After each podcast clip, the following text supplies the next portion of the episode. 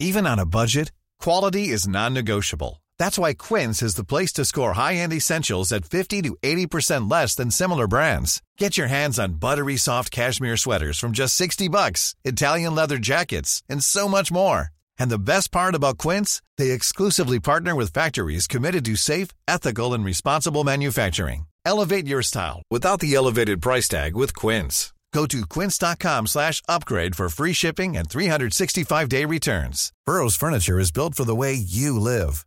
From ensuring easy assembly and disassembly to honoring highly requested new colors for their award-winning seating, they always have their customers in mind. Their modular seating is made out of durable materials to last and grow with you. And with Burrow, you always get fast, free shipping. Get up to 60% off during Burrow's Memorial Day sale at burrow.com slash ACAST. That's burrow.com slash ACAST. burrow.com slash ACAST. There's never been a faster or easier way to start your weight loss journey than with PlushCare. PlushCare accepts most insurance plans and gives you online access to board-certified physicians who can prescribe FDA-approved weight loss medications like Wigovi and Zepbound for those who qualify. Take charge of your health and speak with a board-certified physician about a weight loss plan that's right for you. Get started today at plushcare.com slash weight loss. That's plushcare.com slash weight loss. plushcare.com slash weight loss.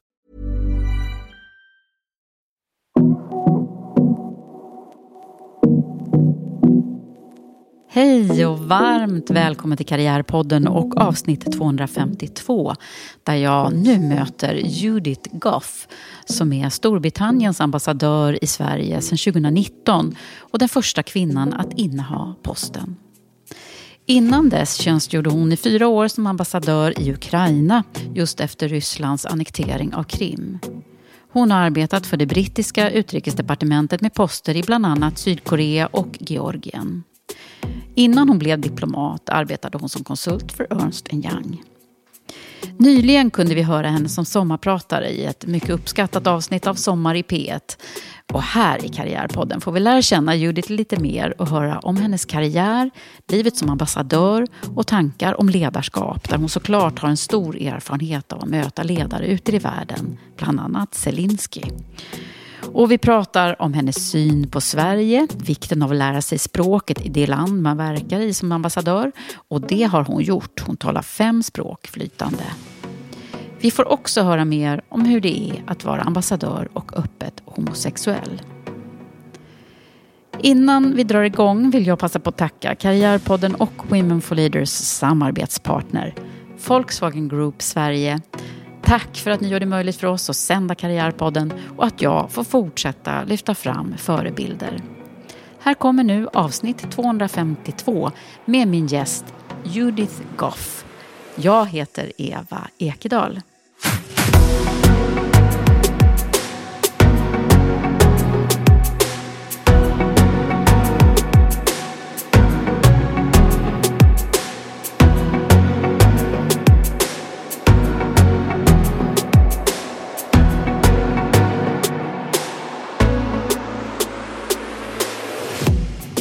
Judith Goff. Välkommen till Karriärpodden. Tack. Och nu har vi haft språkträning redan innan vi har börjat. Här. Ja, med mitt namn. Vad härligt. Nej, men jag sa just att jag var så glad över att jag fick prata svenska med dig. Mm. Men jag upptäcker redan på namnet att jag, att jag behövde lite mer språkträning. Nej, men mitt namn är väldigt svårt. Um, det är väldigt svårt att veta hur man skulle säga goff. Ja. O-O-G-H kan man uh, uttala på åtta sätt på engelska, det är inte lätt. Ja, det är så. Ja. Men så glad över att du har lärt dig svenska så otroligt snabbt ändå. Tack. Va? På hur många år är det nu då sedan du började? Jag kom hit i augusti 2019, mm. uh, direkt från Ukraina, där jag tjänstgjorde som ambassadör uh, 2015 till 2019. Och jag, jag, jag, kunde inte svenska när jag kom hit. Som ambassadör till Sverige, som britt, får man ja, åtta månader innan bara för att lära sig svenska i Storbritannien. Men det gick inte, för det fanns för mycket att göra i Ukraina. Det var eh, presidentval när Zelensky mm, ja. Eh, blev utvald till exempel. Och jag måste stanna i Ukraina. Och för mig är det så viktigt att kunna språket i landet i vilket jag tjänstgör. Innebär lite respekt för landet, men professionellt. Jag vill veta vad händer i landet. Jag vill lyssna på radion, på tvn. Jag vill själv kunna läsa tidningarna. Jag vill själv göra intervjuer och jag förklara Storbritannien till exempel. Eller uh, jag kommer in i samhället. Mm. Det gör man, jag vet att ni svenskar kan alla bättre engelska än jag kan svenska. Nej, det, det, det är ju tveksamt. Men, men våran, eh, en del är ju extremt duktiga förstås. Men vi också, jag tror att vi har ganska höga krav på att vi vill låta så bra som Ja, eh, möjligt. för mig är det viktigast att kunna kommunicera. Det mm. måste inte vara grammatiskt perfekt, men jag själv är lite perfektionist. Mm. Ehm, men viktigast är att man kan kommunicera. Ja. Men du, det, jag blev så nyfiken på det där med språk när jag förstod att du också pratar väldigt många språk. Vi kommer väl in på det här. Men eh, är det här så att eh, det är inte så att alla ambassadörer lär sig landets språk? Jag vet och jag förstår det. Jag förstår det inte. Nej. För att en del av jobbet är att förstå landet. Mm. Um, och berätta berätta för London eller vilket huvudstad som helst vad händer i landet och uh, vad är viktigt. Ja. Jag förstår inte hur man kan göra det utan att kunna språket. Nej, det låter helt logiskt när du säger ah. det och jag har aldrig reflekterat över det tidigare. Men det låter ju alldeles självklart att man ska kunna det. Ja, eh, för att förstå en kultur, mm. Eh, för, förstå ett land, det är så viktigt. Ja, men jag tänker, nu, nu kommer ju du från Storbritannien och engelskan är ju så otroligt, jag menar det är ju ett världsspråk, så att i vanliga fall kanske man tänker att man inte behöver det när man, när man, när man kommer och pratar det här världsspråket. Ja, men jag säger hur stor fördel det är ja. äh, att kunna äh, prata svenska. Och hur, hur ni släppna av ja. när jag börjar prata ja, äh, på svenska. Det blir som en av oss nu. Exakt.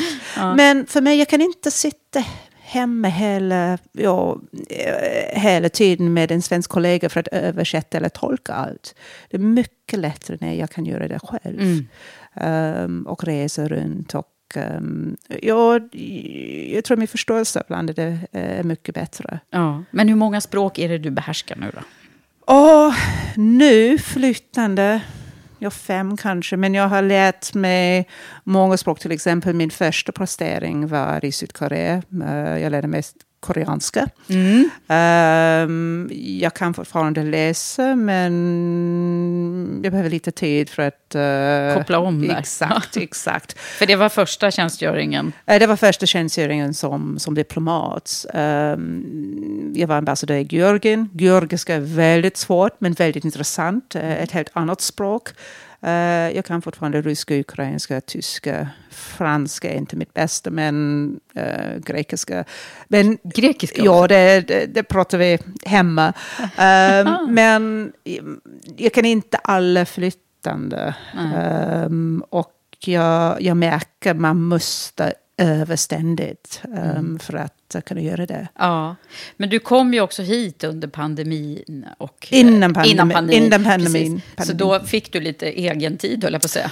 Ja, det var en fördel. Det fanns inte så många fördelar av pandemin. Men för mig var det en fördel Um, för att som ambassadör håller man hela tiden evenemang, mm. mottagningar, middagar. Det kunde vi inte. Nej. Och jag tänkte mig, okej okay, nu kan jag utnyttja det lite. Jag satt hemma och pluggade svenska. Ja. Men viktigast är att man är motiverad. Mm. Um, det är viktigast tror jag. Ja, men eh, verkligen jag. Eh, imponerande med, eh, med den här ambitionen också tycker jag. För det säger lite om dig som som person också. Ja, kanske. Masochism kanske. det är ju det som jag vill att vi ska prata om, nämligen mm. vem du är som, som människa som nu har fått det här förtroendet av Storbritannien att vara utsänd till mm. Sverige. Och vi ska förstås prata mer om vad du gör och, och vad det innebär. Men, men innan det då så tänker jag att vi behöver följa med på din resa. Ja. Eh, ska vi börja från början? Ja, det är för 50 år, 50 år sedan. 50 år sedan. det, det, det. Ja, men kan vi inte få en liten smygglimt av din uppväxt och eh, ja. vem du är från början? Jag uppväxt uh, på landet, en timme bort från London. Mm. Um, I Buckinghamshire.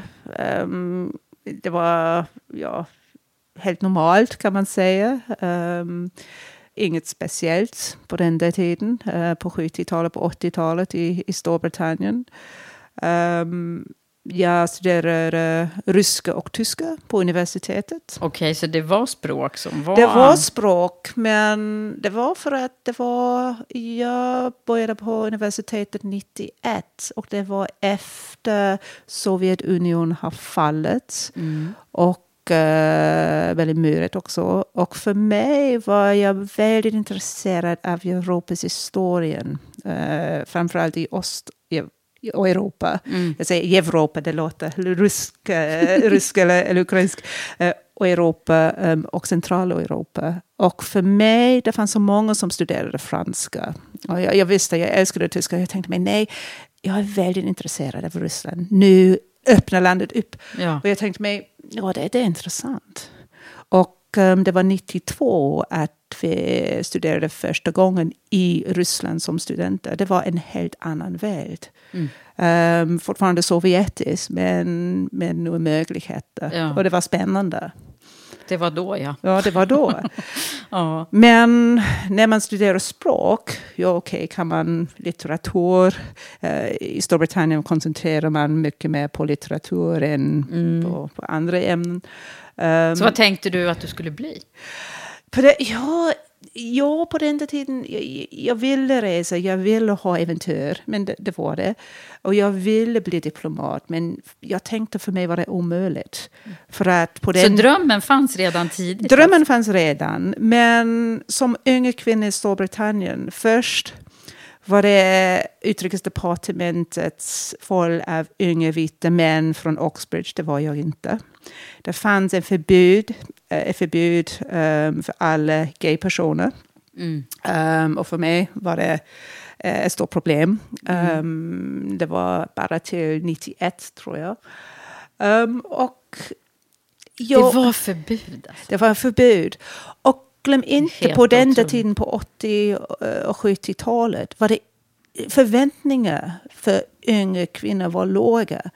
Jag studerade språk och så många sa till mig, nej du kan, du kan, du kan bli tolkare och översättare. Jag tänkte, men nej det vill jag inte. Jag vill vara personen som ser någonting, inte som översättare eller tolkare. Eller bästa var, du kan bli, vad heter det på svenska, air stewardess. Ja, flygvärdinna. Ja, exakt. Och jag tänkte, men nej, fantastiskt. Men det var inte min plan. Ehm, och eh, jag tror på den där tiden, ja, jag var inte, jag hade ingen självförtroende. Um, jag, jag var väldigt blyg på den där tiden. Du var det? Jag var det. Det kan man ju liksom inte Ja, jag tro vet, jag eller? vet. Men det var jag. Um, och efter att um, jag slutade på universitetet, jag tänkte mig, okej, jag måste göra någonting. Um, jag- jag måste ha pengar, jag hade ingenting. Och jag tänkte på juridik, um, men jag, jag, gjorde, jag gjorde en internship och det var för tråkigt för mig. Förlåt alla som Okej. är, Ja. eh, som jobbar eh, på detta området. Och sen tänkte jag, okej, ja, det fanns en möjlighet att uh, uh, ansöka till Ernst Young som management consultant. Och jag tänkte mig, okej, det är inte det som jag tänkte mig, men bra betalt. Och jag kan ta eh, några business qualifications och ha något att bygga på. Um, och det var sex år som jag var med Ernst Young. Jag reste över hela världen med en tung laptop. Jag glömmer inte på den, på den där tiden var det Det som... var inte de lätta. Ja, ja, så, så, så en stor tung laptop um, och en, en corporate credit card. Um, Så det är lite annorlunda bakgrund, eller? lite annorlunda bakgrund. Men jag Alltså för att vara ambassadör? Eller jag vet inte vad den klassiska Men jag diplomat... ångrar det inte. För att jag tror att jag, när jag kom in i utrikesdepartementet hade jag en helt eh, annan synpunkt och uh, annan erfarenhet. Ja, näringslivssidan. Exakt. och så. Och de ville på den tiden ha lite new blood. Um, För att de, de var medvetna att eh, det var lite homogen i, inom utrikesdepartementet. Um, och så kom jag in. Det fanns på den där tiden en rekrytering. Och jag tror det var ja, 5 000 som eh, Sökte. som sökte och de, de tog 12. Ah, och då var du en av dem. Ja, det var för mig en stor överraskning. Men det var bakgrundsblint, um, mm. det var bra. Um, och jag tror början på ett nytt sätt att tänka på diplomatin hos oss. Mm. Man måste inte bara vara, vara smart och uh, ha kunskap för diplomatin, men som ambassadör måste man kunna leda en stor team. Mm. Eller en det hel ambassad. Ledar, en, en ledarroll verkligen. Ja, exakt, en ledarroll. Ja. Så att okej, okay, så den här, nu, det var ju lite intressant, för, för det här var ju lite frågor jag hade, om, om, om du hade haft drömmen innan eller om det bara blev, men då, då fanns drömmen tidigt. Det fanns drömmen tidigt, men det var inte att jag drömde att bli ambassadör, för att för mig var det, ja, vem är jag? Mm. Um, det var lite... Vad gjorde dina föräldrar?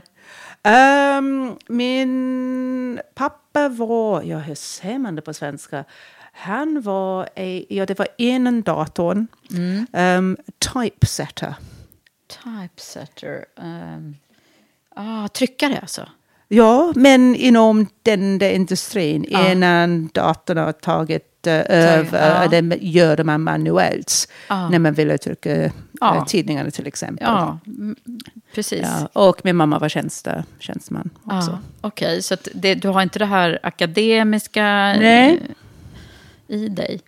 Nej. Nej. Hur kommer det sig att det blev så? Då? Har du själv Ingen funderat aning. över det? Nej. Nej. jag tänkte mig på i början, jag, jag, vill, jag vill göra någonting av mig själv. Um, jag, jag, visste att på skolan var jag uh, tillräckligt bra. Um, jag, jag hade... Vad hade jag, dina bästa ämnen? Var det språk då, eller fanns det flera? Språk, matematik, um, historia, alla... Samhällsämnen också. Ja, exakt. Mm. Men jag fick bra betyg och jag tänkte, men jag, jag vill göra någonting av mig själv. Och det var... Ja, men jag kan inte klaga, men det var lite, lite tråkigt att bo på landet i Storbritannien. Och jag, jag, jag ville se världen. Kanske det var min mamma som hon ville studera, kunde inte. Mm. På grund av äh, min mormor var, var väldigt sjuk när min mamma var ung och hon måste bry sig mm. om syskon. Och jag tror för att hon ville men kunde inte. För så mig... du kanske fick äh, ta över den drömmen på något sätt? Lite. Ibland är det ju så att vi, vi ärver liksom våra föräldrars ja. drömmar också. För att för mig, hon fick inte chansen. Och jag tänkte mig, inte för jag men för henne också. Mm. Jag, jag vill uh, göra vad jag kan uh, mm. om jag får chansen, som hon inte fick. Mm. Ja. Lever de idag? Eller? Ja. Vad säger de om din... Min, min mamma lever, ja. min, min, pappa har, har gått bort. Um. Men hon är väldigt stött över mig. Um, det var, hon har aldrig um, jag uh, tvungen med att studera eller göra någonting. Mm. Um, det var jag som tvingade mig själv. Mm. Uh, men jag tror för henne men jag tror det är viktigt för mm. att um, hon säger till mig, jag har, I just wanted the best for you, whatever made you happy. Mm. Um, och jag tror det är bra. Det är, bra. Det är bra för att det finns för mycket press tror jag mm. uh, på barn. Ja, och du har ju själv barn. Eh, jag har, jag har två söner. Två söner. Ja. ja. Ja, då brukar man också reflektera över hur, hur är jag med, ja, till exakt. mina barn jämfört med hur, hur jag själv blivit uppfostrad. Ja. Eh, vad, är, vad är skillnaden tror du? De har fått resa lite mer då kanske? Ja, de har fått resa från början. um, jag vet inte om de kommer att säga till mig, nej, jag vill bara stanna i Storbritannien för att jag har rest för mycket um, från början. Men jag, jag, tror att de måste hitta deras egen väg. Um, och det kan vara svårt när man har en förälder som har varit framgångsrik. Och jag vill inte pressa dem eller säga nej, du måste göra någonting för att jag har gjort det på det, sätt, mm. äh, det mm. här sättet. De måste själva, äh, välja själva. Mm. Hur gamla är de nu då? Uh, 10 år och 18.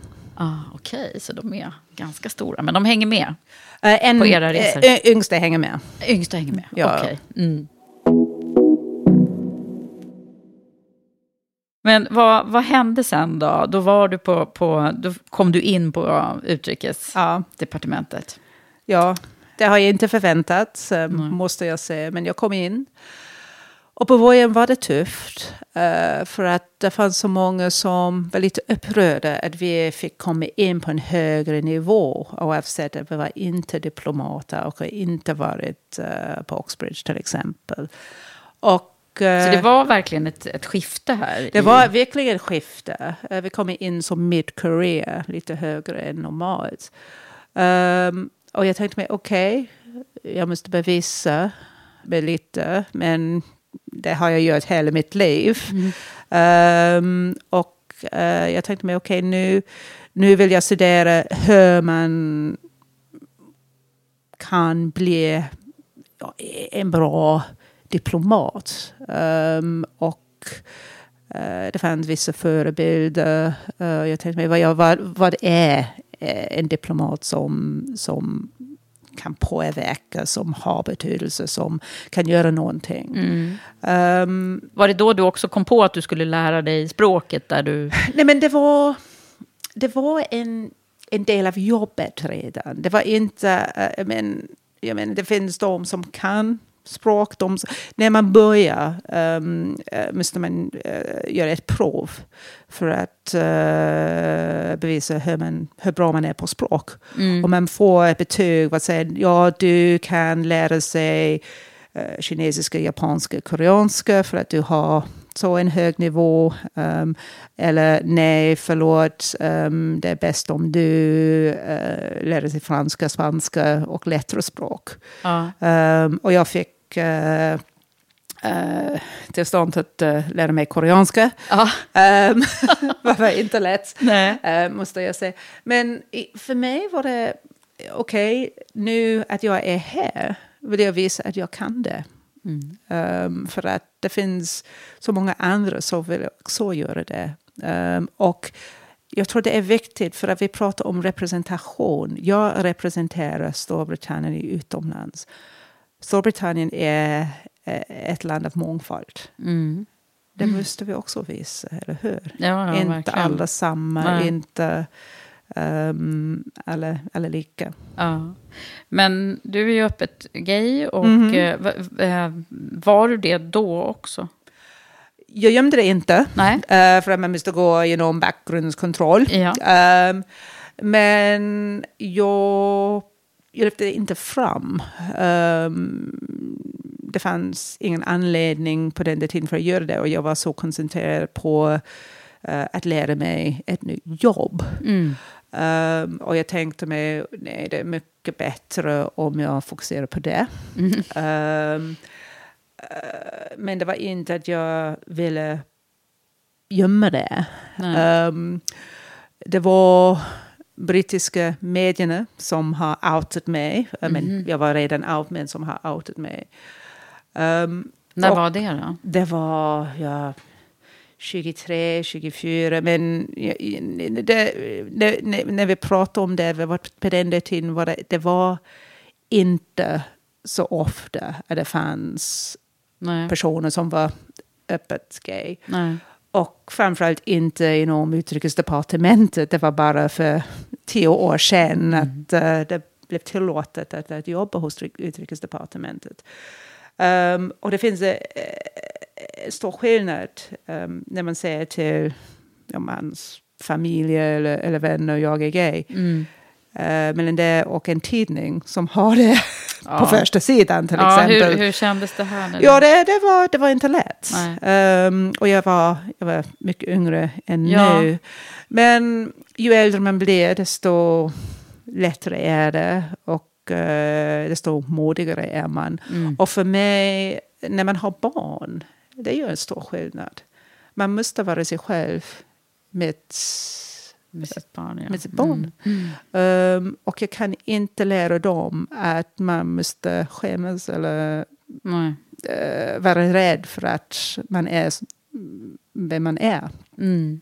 Precis, och det där kopplat till ledarskap eh, pratar vi ju jättemycket om. Att man ja. måste vara den man är för att vara en bra ledare. Ja. Och det, det är ju eh, faktiskt, det ligger ju mycket i det. Att om man ska gå och liksom hantera sig själv i en massa...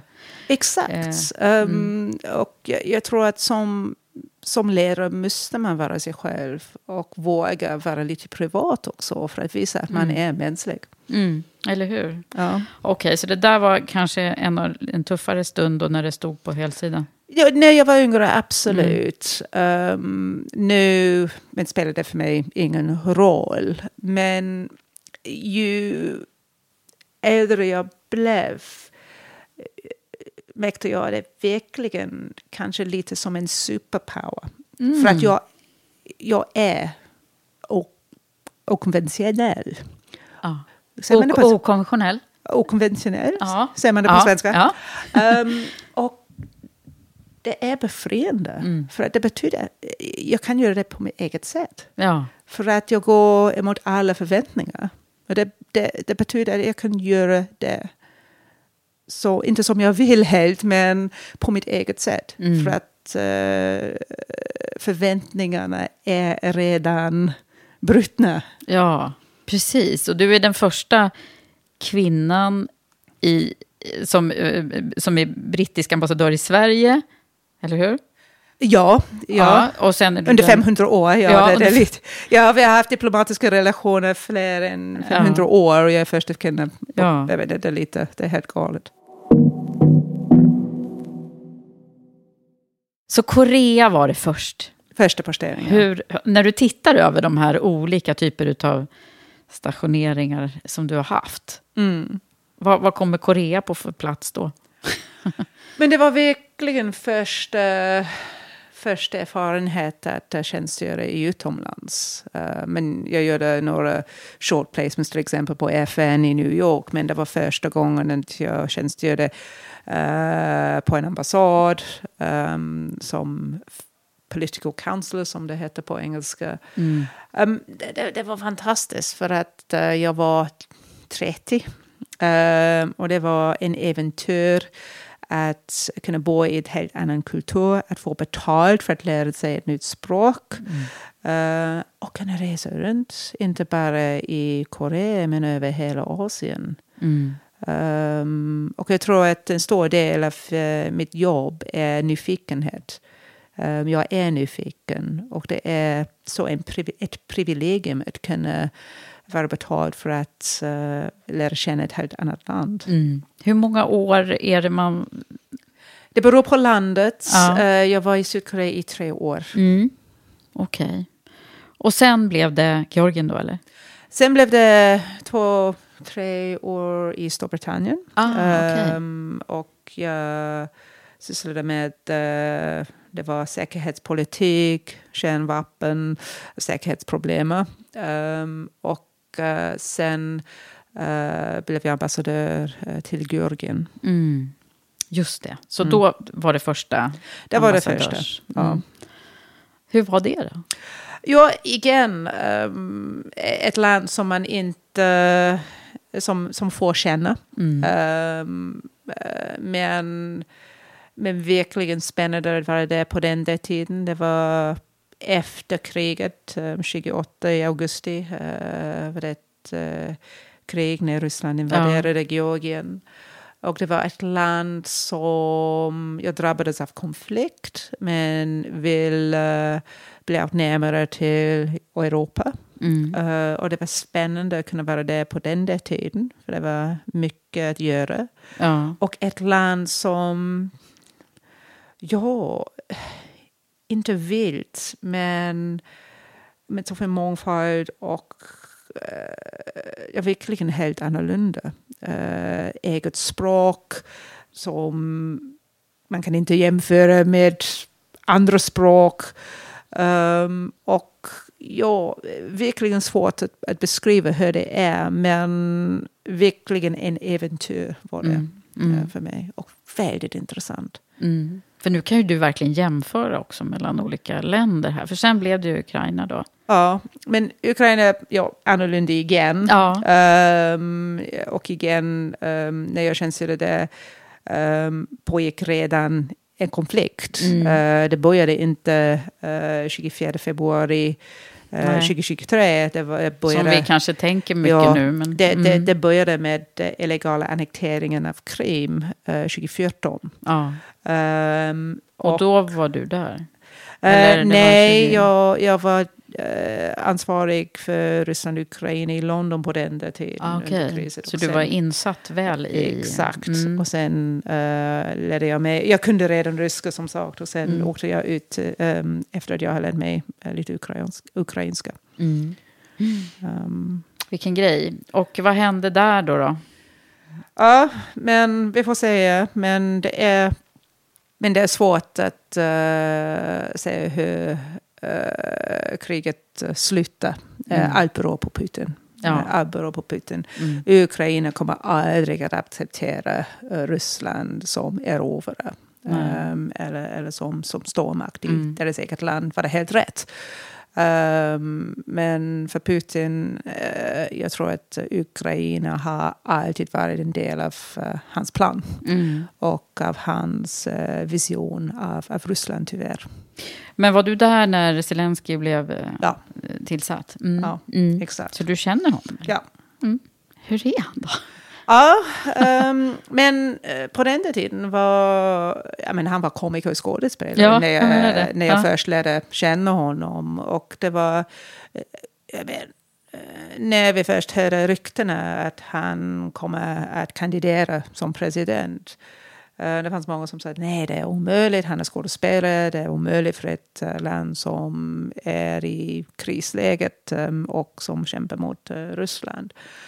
Men det var uppenbart på den där tiden att han var, han och fortfarande är klok. Mm. Um, har en talang för att kommunicera. Uh, vad skulle inte överraska um, Mm. som skådespelare. Blev ju nästan uh, idolförklarad. eh, Ja, men eh, vad vi inte visste på den där tiden var hur modig Nej. han är. Att han har stannat i Kiev när tankarna rullade Mm. mot eh, huvudstaden. Um, men när, när man pratar om ledarskap, Mm. jag tror är Zelensky ett bra exempel om någon som det fanns låga förväntningar. Mm. Men herregud, Han har vad den förebild Mm. för ledarskap Mm. han är. Mm. Verkligen. Kände du det så även innan? Eh? Han hade presens, eh, men man kan aldrig veta. För att jag, det, när man jobbar inom utrikesdepartementet, vi, eh, varje dag är annorlunda. Och vi, ja, det finns dagar när man sitter på kontoret och skriver.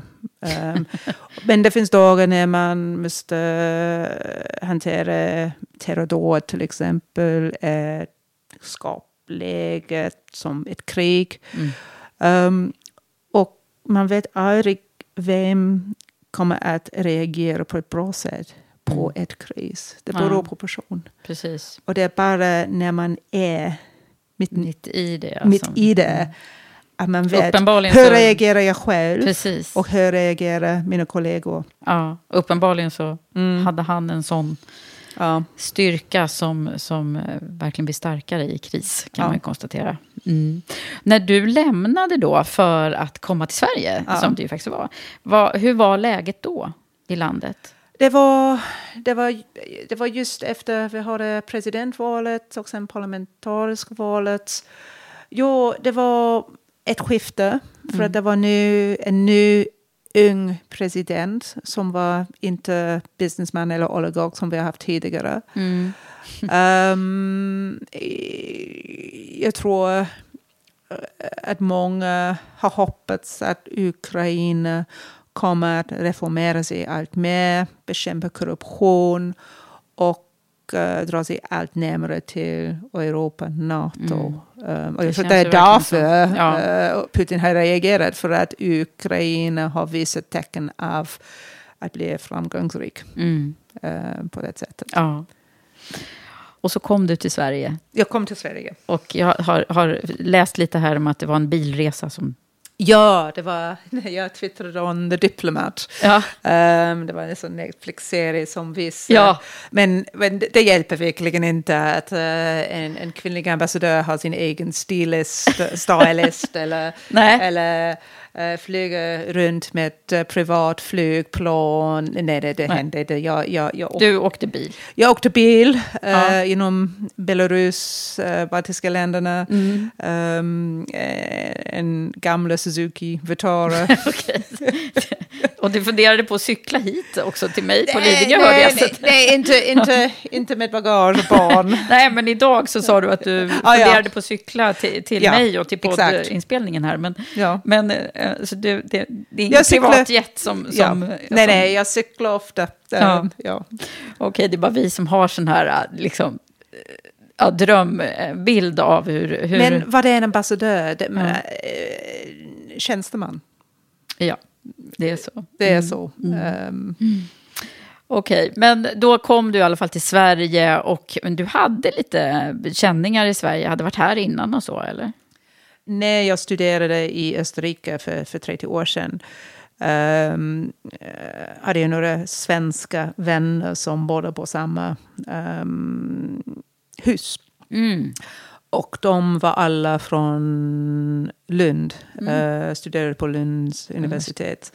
Um, och jag åkte ofta dit, um, på midsommar eller för, på fester Ah, ja. till exempel. Så du har eh, festat i Lund? men- Jag har festat i Lund, Ja. Eh, jag lärde mig att dricka öl i Lund. eh, jag var Det är det många som har gjort, tror jag. Ja, Mm. exakt. Um, men jag lärde mig inte svenska. Men, Men du har ändå hört svenska då? Jag har det har spelat svenska. roll lite? kanske? men problemet, problemet var att alla mina vänner som, eller mina vänner som, som jag studerade med i Österrike studerade alla tyska. Och vi pratade tyska med varandra, inte svenska. Och därför kom jag inte framåt. Ja. Ja. Men du, du visste vad det var för land? Ja. Ja. Och hur går det till? Man får söka land, eller? Alltså söka ny uh, Jo, tjänstgörings... tidigare var det att man hade inget val. Det var utrikesdepartementet som bestämde och ringde man upp och sa ja nu, um, tell the wife and kids, för det var alltid en man, att eh, ni kommer jobba i Jemen nästa fyra år Ja, till just. exempel. Men de, det var uppenbart, det funkar inte för att man måste kunna själv välja. Um, och um, nej, varje gång um, man, man, man måste ansöka. Mm. Um, och det finns en process. Um, man blir intervjuad och det beror på hur många personer vi jobbet um, och vad det är Mm. konkurrens. Um, och ja, jag, jag ville komma till Sverige. Um, jag ansökte jobbet. Och, Ja, så du var, var ditt första val, eller? Eh, det var mitt första val efter, Mm. efter Ukraina. Exakt. Okej. Ja. Och hur har det varit då? Men- Förutom den där första tiden som inte var så kanske kul. Ja, jag måste säga första tiden var, var, var tufft. Mm. Um, för att, att le, när jag kom hit, jag hade de första sex månader är alltid tuffa för man måste lära känna en ny team, ett helt annat land, en helt annan kultur och tänka sig hur leder jag? Um, och eh, jag kom från Ukraina. Det var, det var väldigt hektiskt och mycket att göra och eh, i ett skapläge. Um, och jag kom till Sverige och var lite lugnare.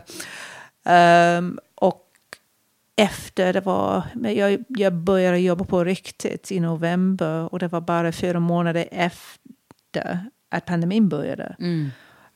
Um, och gör man det för att jobbet är att skapa nätverk, är att träffa människor, Ja, är att... eh, Väldigt mycket fysiskt, socialt. Exakt. Um, diplomatin är vad vi säger på engelska en, dip, eh, en kontaktsport. Mm. Och så mycket som man försöker göra det eh, digitalt. Det är väldigt tufft. Mm. Um, inte bara tufft att eh, etablera sig själv som ambassadör eh, med alla svenska eh, kontakter. Mm. Men hur leder jag eh, en team på ambassaden som jag inte känner så väl. Nej, just det. Som du fick träffa på Teams? Eller? Exakt. Mm. Um, det, var, det var väldigt tufft på Mm. början. Mm. Och jag som är utåtriktad. Det var inte lätt för mig att stanna hemma. Mm. ehm, och inte träffas med någon. Nej. Tänk att vi nästan har glömt bort det där nu. Hur Ja. vi satt med munskydd och eh, Mm. bara... ja. där, I det rummet du sitter nu, där har jag i och för sig kontor och poddstudio, men jag var ju verkligen inlåst här också. Ja, precis som för att mitt sätt att eh, Mm. arbeta är att uh, jag vandrar genom ambassaden för att prata med mina kollegor, få veta vad händer och uh, få råd från mina kollegor. Jag sitter inte på kontoret och Mm. väntar på alla andra. Jag, går ut och, uh, uh, och pratar med dem. Och det, det, kan man inte göra på samma sätt Nej. uh, digitalt. Mm. Men nu har du verkligen kommit loss, för du är ju Ja, i ropet nu, Unleashed, Judith. som vi Du, säger. du är verkligen med i tv var och varannan dag. Och det är Nej, inte en dag. sommarprat och det är podcastar och annat som, som du är med och gästar nu. Så att det är verkligen, du har ju blivit lite kändis här i Sverige nu. Jag vet inte. Ehm, Eller på väg att bli. Nej, men i- jag vet inte. Ehm, jag vet att många har sett mig på tv. Ehm, jag vet hur mycket, det betyder. Eh, och um, hur jag som eh, diplomat kan använda det för att eh, kommunicera, för att förklara Storbritannien, för att mm, skapa lite mer förståelse mellan våra två länder. Och det är inte svårt för att vi känner varandra så, så bra. Så bra, ja. Mm. Ehm, men jag tror det är viktigt att Mm. kunna göra det. Mm. Och jag uppskattar det, att jag får en möjlighet att göra, att göra det. Ja, det är ju så bra. Eh, och jag, jag tänker på en sak som är väldigt intressant tror jag för oss att höra som, som bor och är uppvuxna i, uppvuxna i Sverige är ju så här, synen på, din syn på Sverige Ja. kontra andra.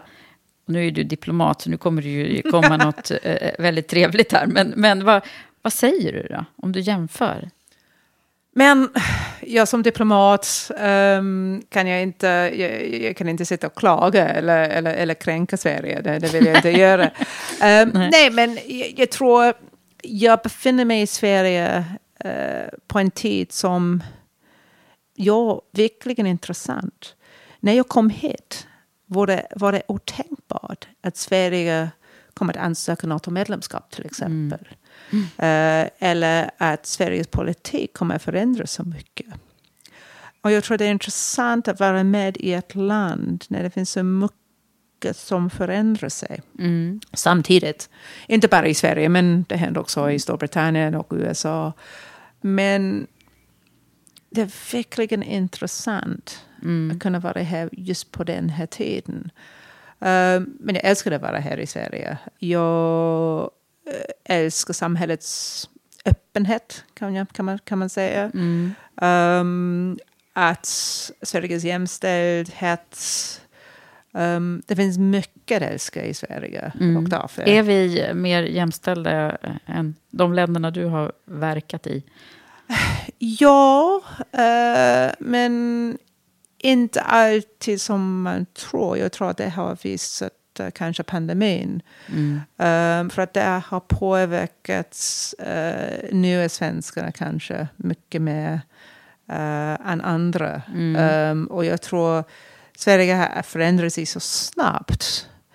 Um, ni är inte så integrerad som Storbritannien till exempel. Mm. Och det tar tid. Mm. Det tar tid. Ja, men verkligen. Och jag som jobbar med jämställdhet då, som du vet, eh, med, för, med genusperspektivet.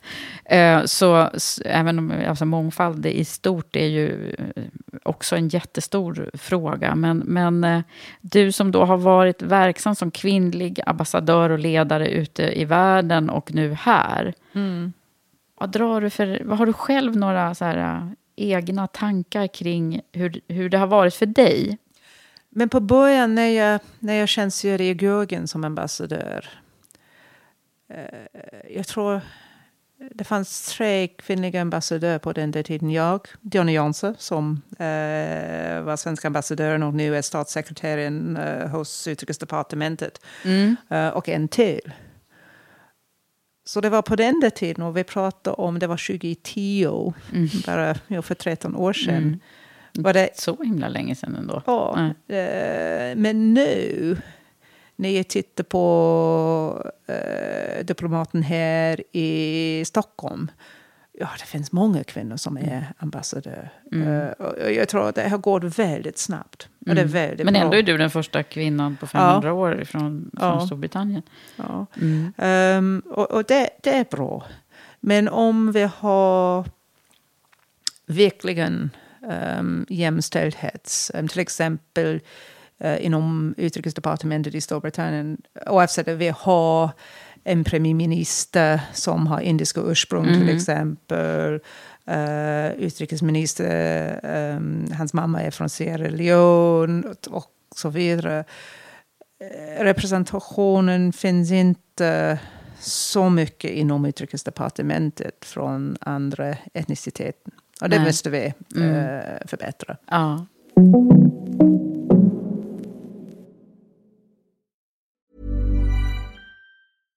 Hiring for your small business? If you're not looking for professionals on LinkedIn, you're looking in the wrong place. That's like looking for your car keys in a fish tank.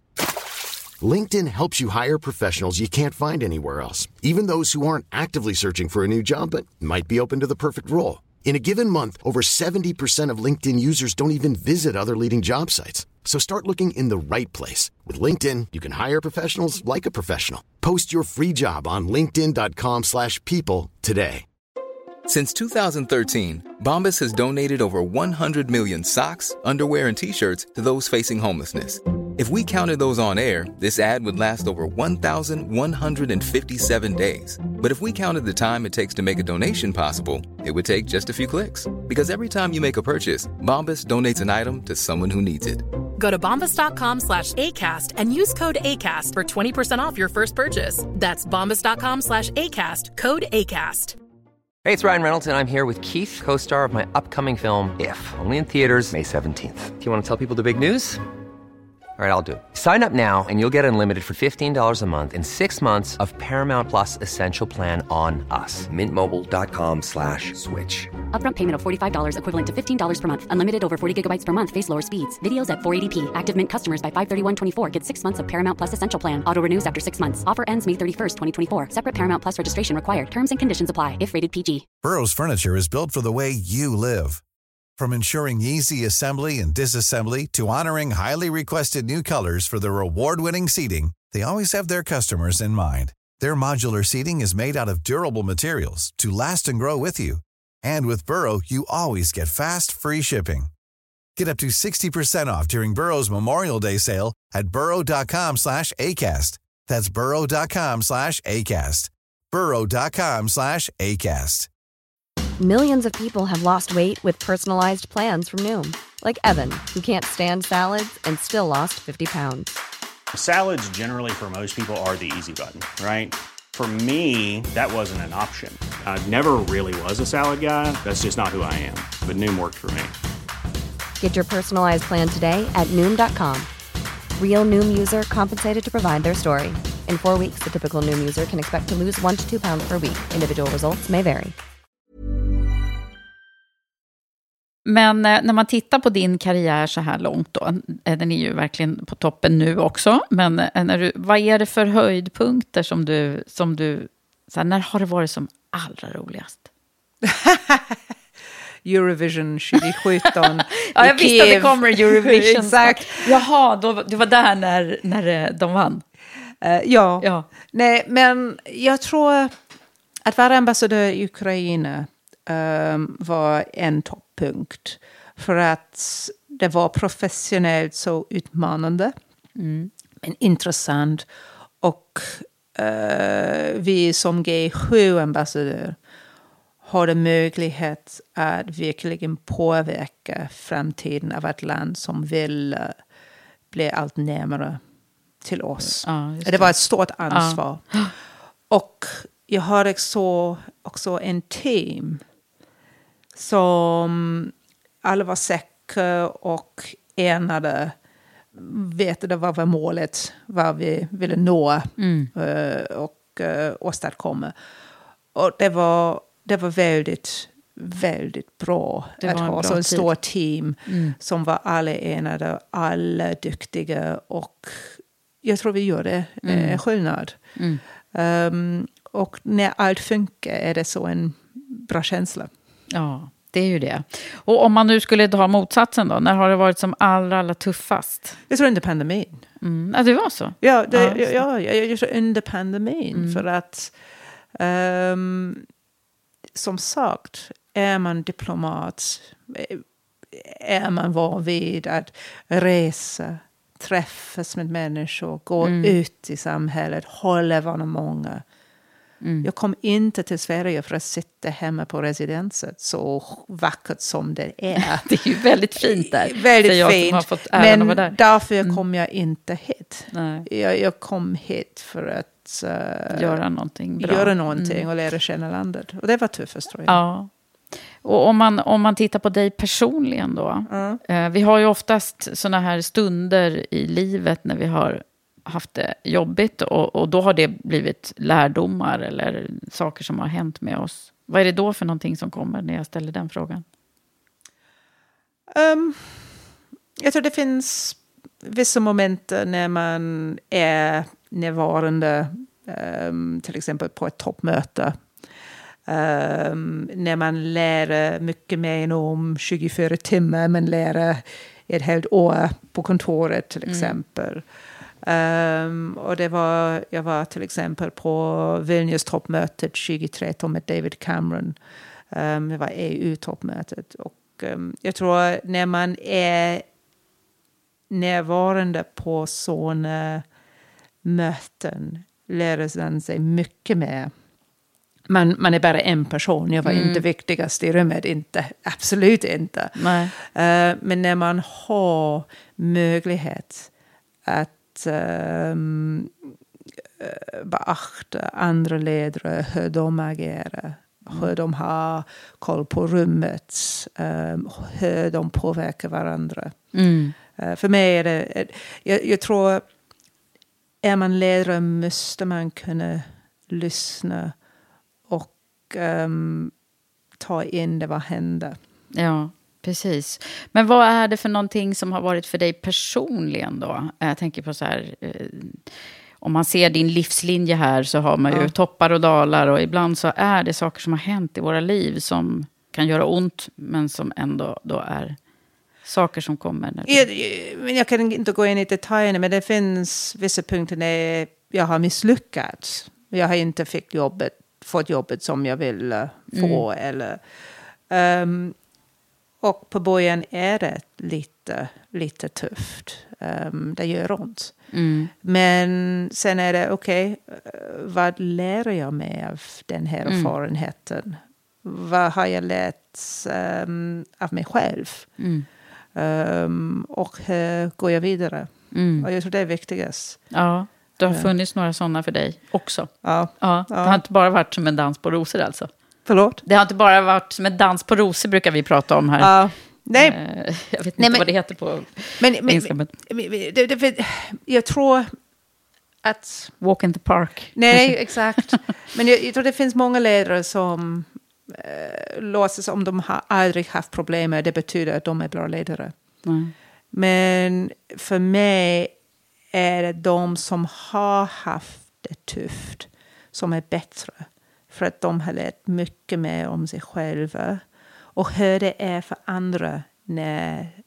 När det är tufft, ja. Mm. Exakt. Det är därför jag ställer den frågan i, i, i Karriärpodden varje gång. Därför att det, det säger en hel del om man har, om man har tittat på sig själv och, Ja. och, och, och funderat lite över de där bitarna. Ja. Men om man nu ska prata ledarskap med dig då, vilket jag gärna vill göra, Judith. eh, Så vad, vad är det för... Vad, vad säger de som jobbar med dig eh, om, om dig som ledare? nu tittar du dig runt, för vi har ju faktiskt en av dina medarbetare med här i rummet. Men eh, hon får inte prata nu, utan du får själv berätta. Men jag vet, jag vet inte, då, då måste du fråga eh, dem själva. Um, men jag tror att jag hoppas i alla fall um, att de säger att jag är tillgänglig. Um, det är viktigt. Mm. Um, autentisk. Um, att jag är beslutsam, tar beslut, fattar beslut. Jag tror det är viktigt. Det Mm. finns många ledare som inte gör det ofta. Mm. Jag hoppas att jag motiverar och inspirerar. Men det beror ofta på person Mm. och på situation. Ja, men verkligen. Jag tänker att jag ska skicka in en fråga här också som kommer ifrån min samarbetspartner. Volkswagen Group Sverige är, är ju de. Och de pratar mycket om hållbarhet och hållbart ledarskap.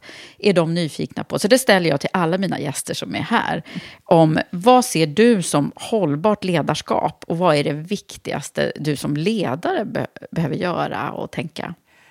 Jag tror, eh, det, vi pratar mycket om hållbarhet i Storbritannien. Um, men det är första gången jag har hört av hållbart ledarskap. Eh, det är ett nytt begrepp för mig. Eh, vi pratar mycket mer om hur man kan vara inkluderande till exempel som en Mm. ledare och hur man leder um, och tar ansvar och social ansvar. Mm. Eh, och uh, tar långsiktigt uh, perspektivet till exempel. Ja, och det ligger väl mycket i det här Exakt, såklart. men begreppet själv är Ja. något nytt för mig. Mm. Um, och uh, jag tror jag eh, vi måste kanske fundera lite mer på det. För att om det är något som ni sysslar med här i, Ja. i Sverige. Jag undrar mig varför inte. Så det är- i engelsktalande världen. Nej, fast jag tror kanske att man... Sustainability är, och vad man behöver göra som ledare för att Ja. det ska bli För, här. för när vi pratar om hållbarhet är det mycket mer om klimat, eh, miljön, omgivningen till Ja. exempel. Och hur vi agerar på ett sätt som, som är eh, hållbart eh, vad gäller vår påverkan. Mm. på, liksom planeten. Exakt, Mm, exakt. Just det. Men planeten består ju av många delar. Ja. ja, man det kan bli väldigt filosofiskt den här Ja. diskussionen. Men ja, vad intressant. Men hur gick det egentligen till när du bestämde dig för att eh, du skulle söka och bli ambassadör? Jag bestämde mig inte. Nej. Blev ambassadör. ambassadör. Nej, det, det, var, det var, kanske var det slump. Jag ringde en, eh, en chef eh, på utrikesdepartementet um, um, för att eh, ställa en fråga om en Excel spreadsheet. Det var ingenting viktigt. Och han svarade och sa, ah, Judith, du är intresserad av posten i Georgien som ambassadör. Uh, you'd be brilliant. Och jag tänkte mig, "F- förlåt, men eh, nej, därför ringde jag inte. Men en ögonblick, ett ögonblick, om du tänker att jag skulle vara bra. ehm, och jag tänkte, var inom fem sekunder, sa jag, ja, ja, det gör jag. Ah, Okej. Och vi pratade lite om jobbet. Och eh, sen satt jag och tänkte mig, okej, det var inte syftet Med ditt samtal? Ja. med mitt samtal. Men om han tänker att jag kunde tjänstgöra som ambassadör i Georgien, varför, Inte? varför inte? Eh, och jag skickade in ansökan. Och Um, annars hade det där kanske Annars inte... har, men det är för mig var det viktigt att man måste vara rädd att ta eh, initiativet Mm. där det finns.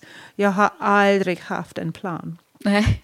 Aldrig haft en plan. Nej, ingen Eh, karriärplan. har jag inte än. Men att man har en bred erfarenhet att kan ta initiativet eller våga sig när chansen finns. Absolut. Ja. Det där är ju någonting som är ganska roligt. Av mina 250 intervjuer här med, med kvinnliga ledare. Så, Men så på den tiden vågade jag säger- inte. Nu, nu vågar jag mycket mer. Du vågar mer? Ja, Mm. exakt. Men du vågade då? Ja, men bara för att eh, vi har haft uh, samtalet. Ja. Men eh, har du haft mentorer eller andra spons- Ja. sponsorer brukar vi prata om också? Sponsorer inte så ofta, men mentorer, ja. Ja. Ehm, och jag, jag tror det är viktigt. Och jag tror det är viktigt när man är själv ledare. Mm. Att man gör det för andra. Ja. Är du också mentor Ja, nu? exakt. Mm, vad bra, det gillar vi som, som håller på med mentorskap. Ja. Ja. Vad, vad, vad, vad gör en viktig mentor till dig då? En bra mentor? En bra mentor är ärlig. ärlig. Eh, för att jag tror um, viktigast är att man får lyssna på andra synpunkter och ärliga synpunkter. Um, och att man blir utmanad lite. Varför gör du det? Varför tänkte du inte annorlunda? Um, jag tror det är viktigt. Ja. Och någon som är kanske också lite annorlunda. Inte samma som jag. Nej. För att eh, bidra något annat.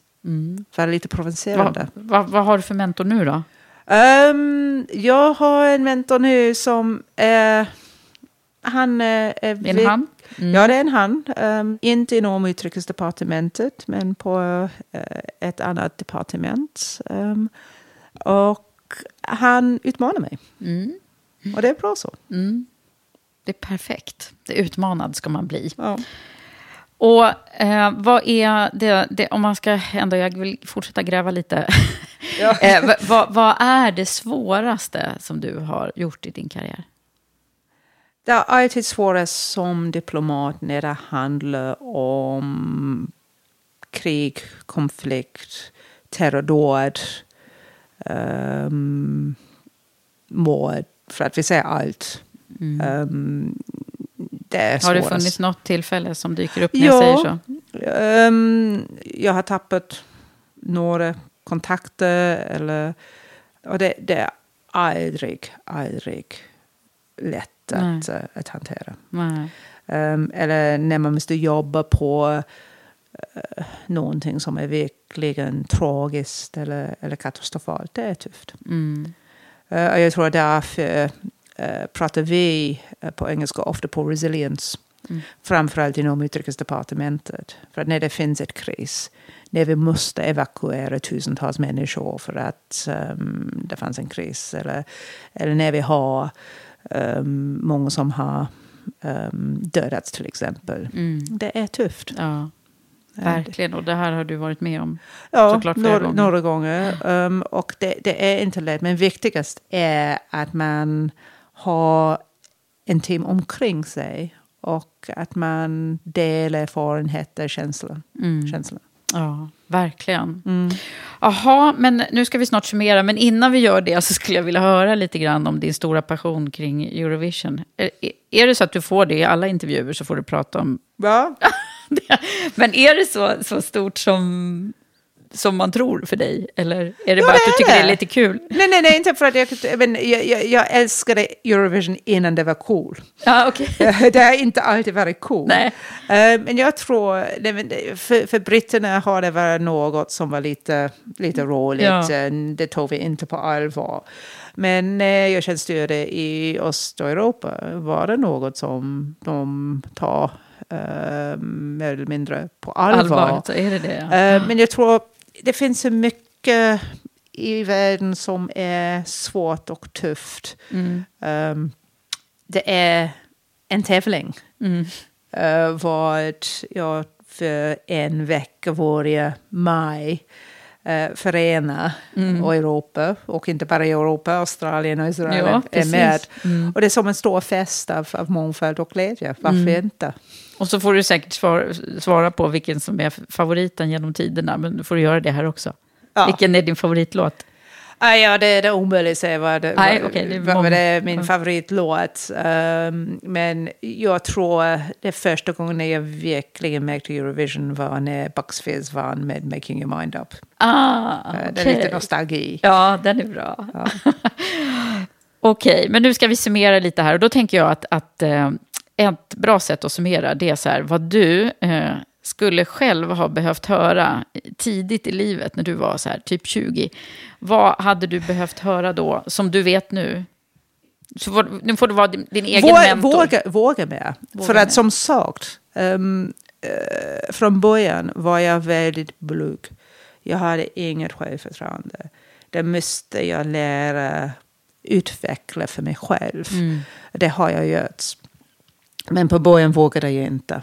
Nej. Jag väntade i sex år innan jag vågade att uh, ansöka uh, ett ställe hos Utrikesdepartementet till exempel. Mm. Um, Så det, våga lite snabbare här ja. alltså.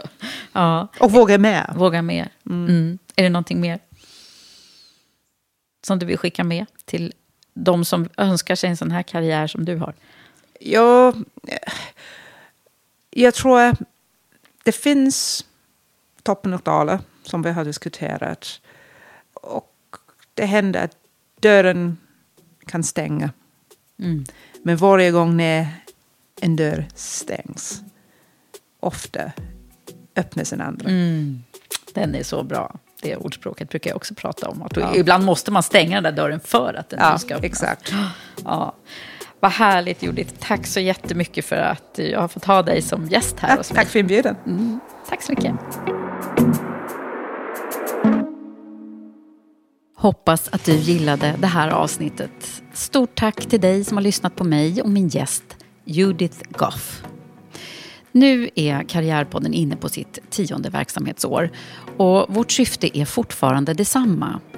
Vi vill se fler kvinnor i ledande positioner och bolagsstyrelser och fler kvinnliga ägare och entreprenörer.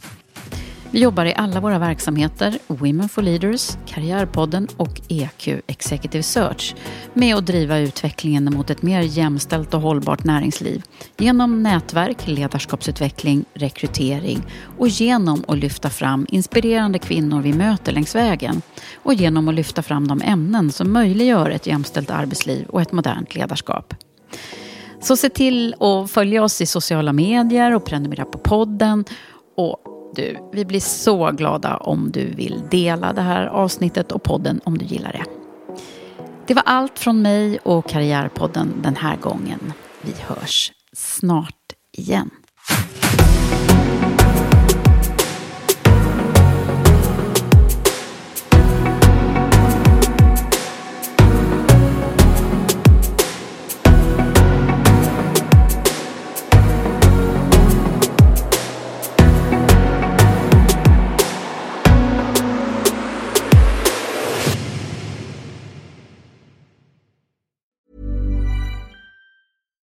Deserves the best, and there's no better place to shop for Mother's Day than Whole Foods Market. They're your destination for unbeatable savings, from premium gifts to show-stopping flowers and irresistible desserts. Start by saving 33% with Prime on all body care and candles. Then get a 15-stem bunch of tulips for just $9.99 each with Prime. Round out Mom's menu with festive rosé, irresistible berry chantilly cake, and more special treats. Come celebrate Mother's Day at Whole Foods Market.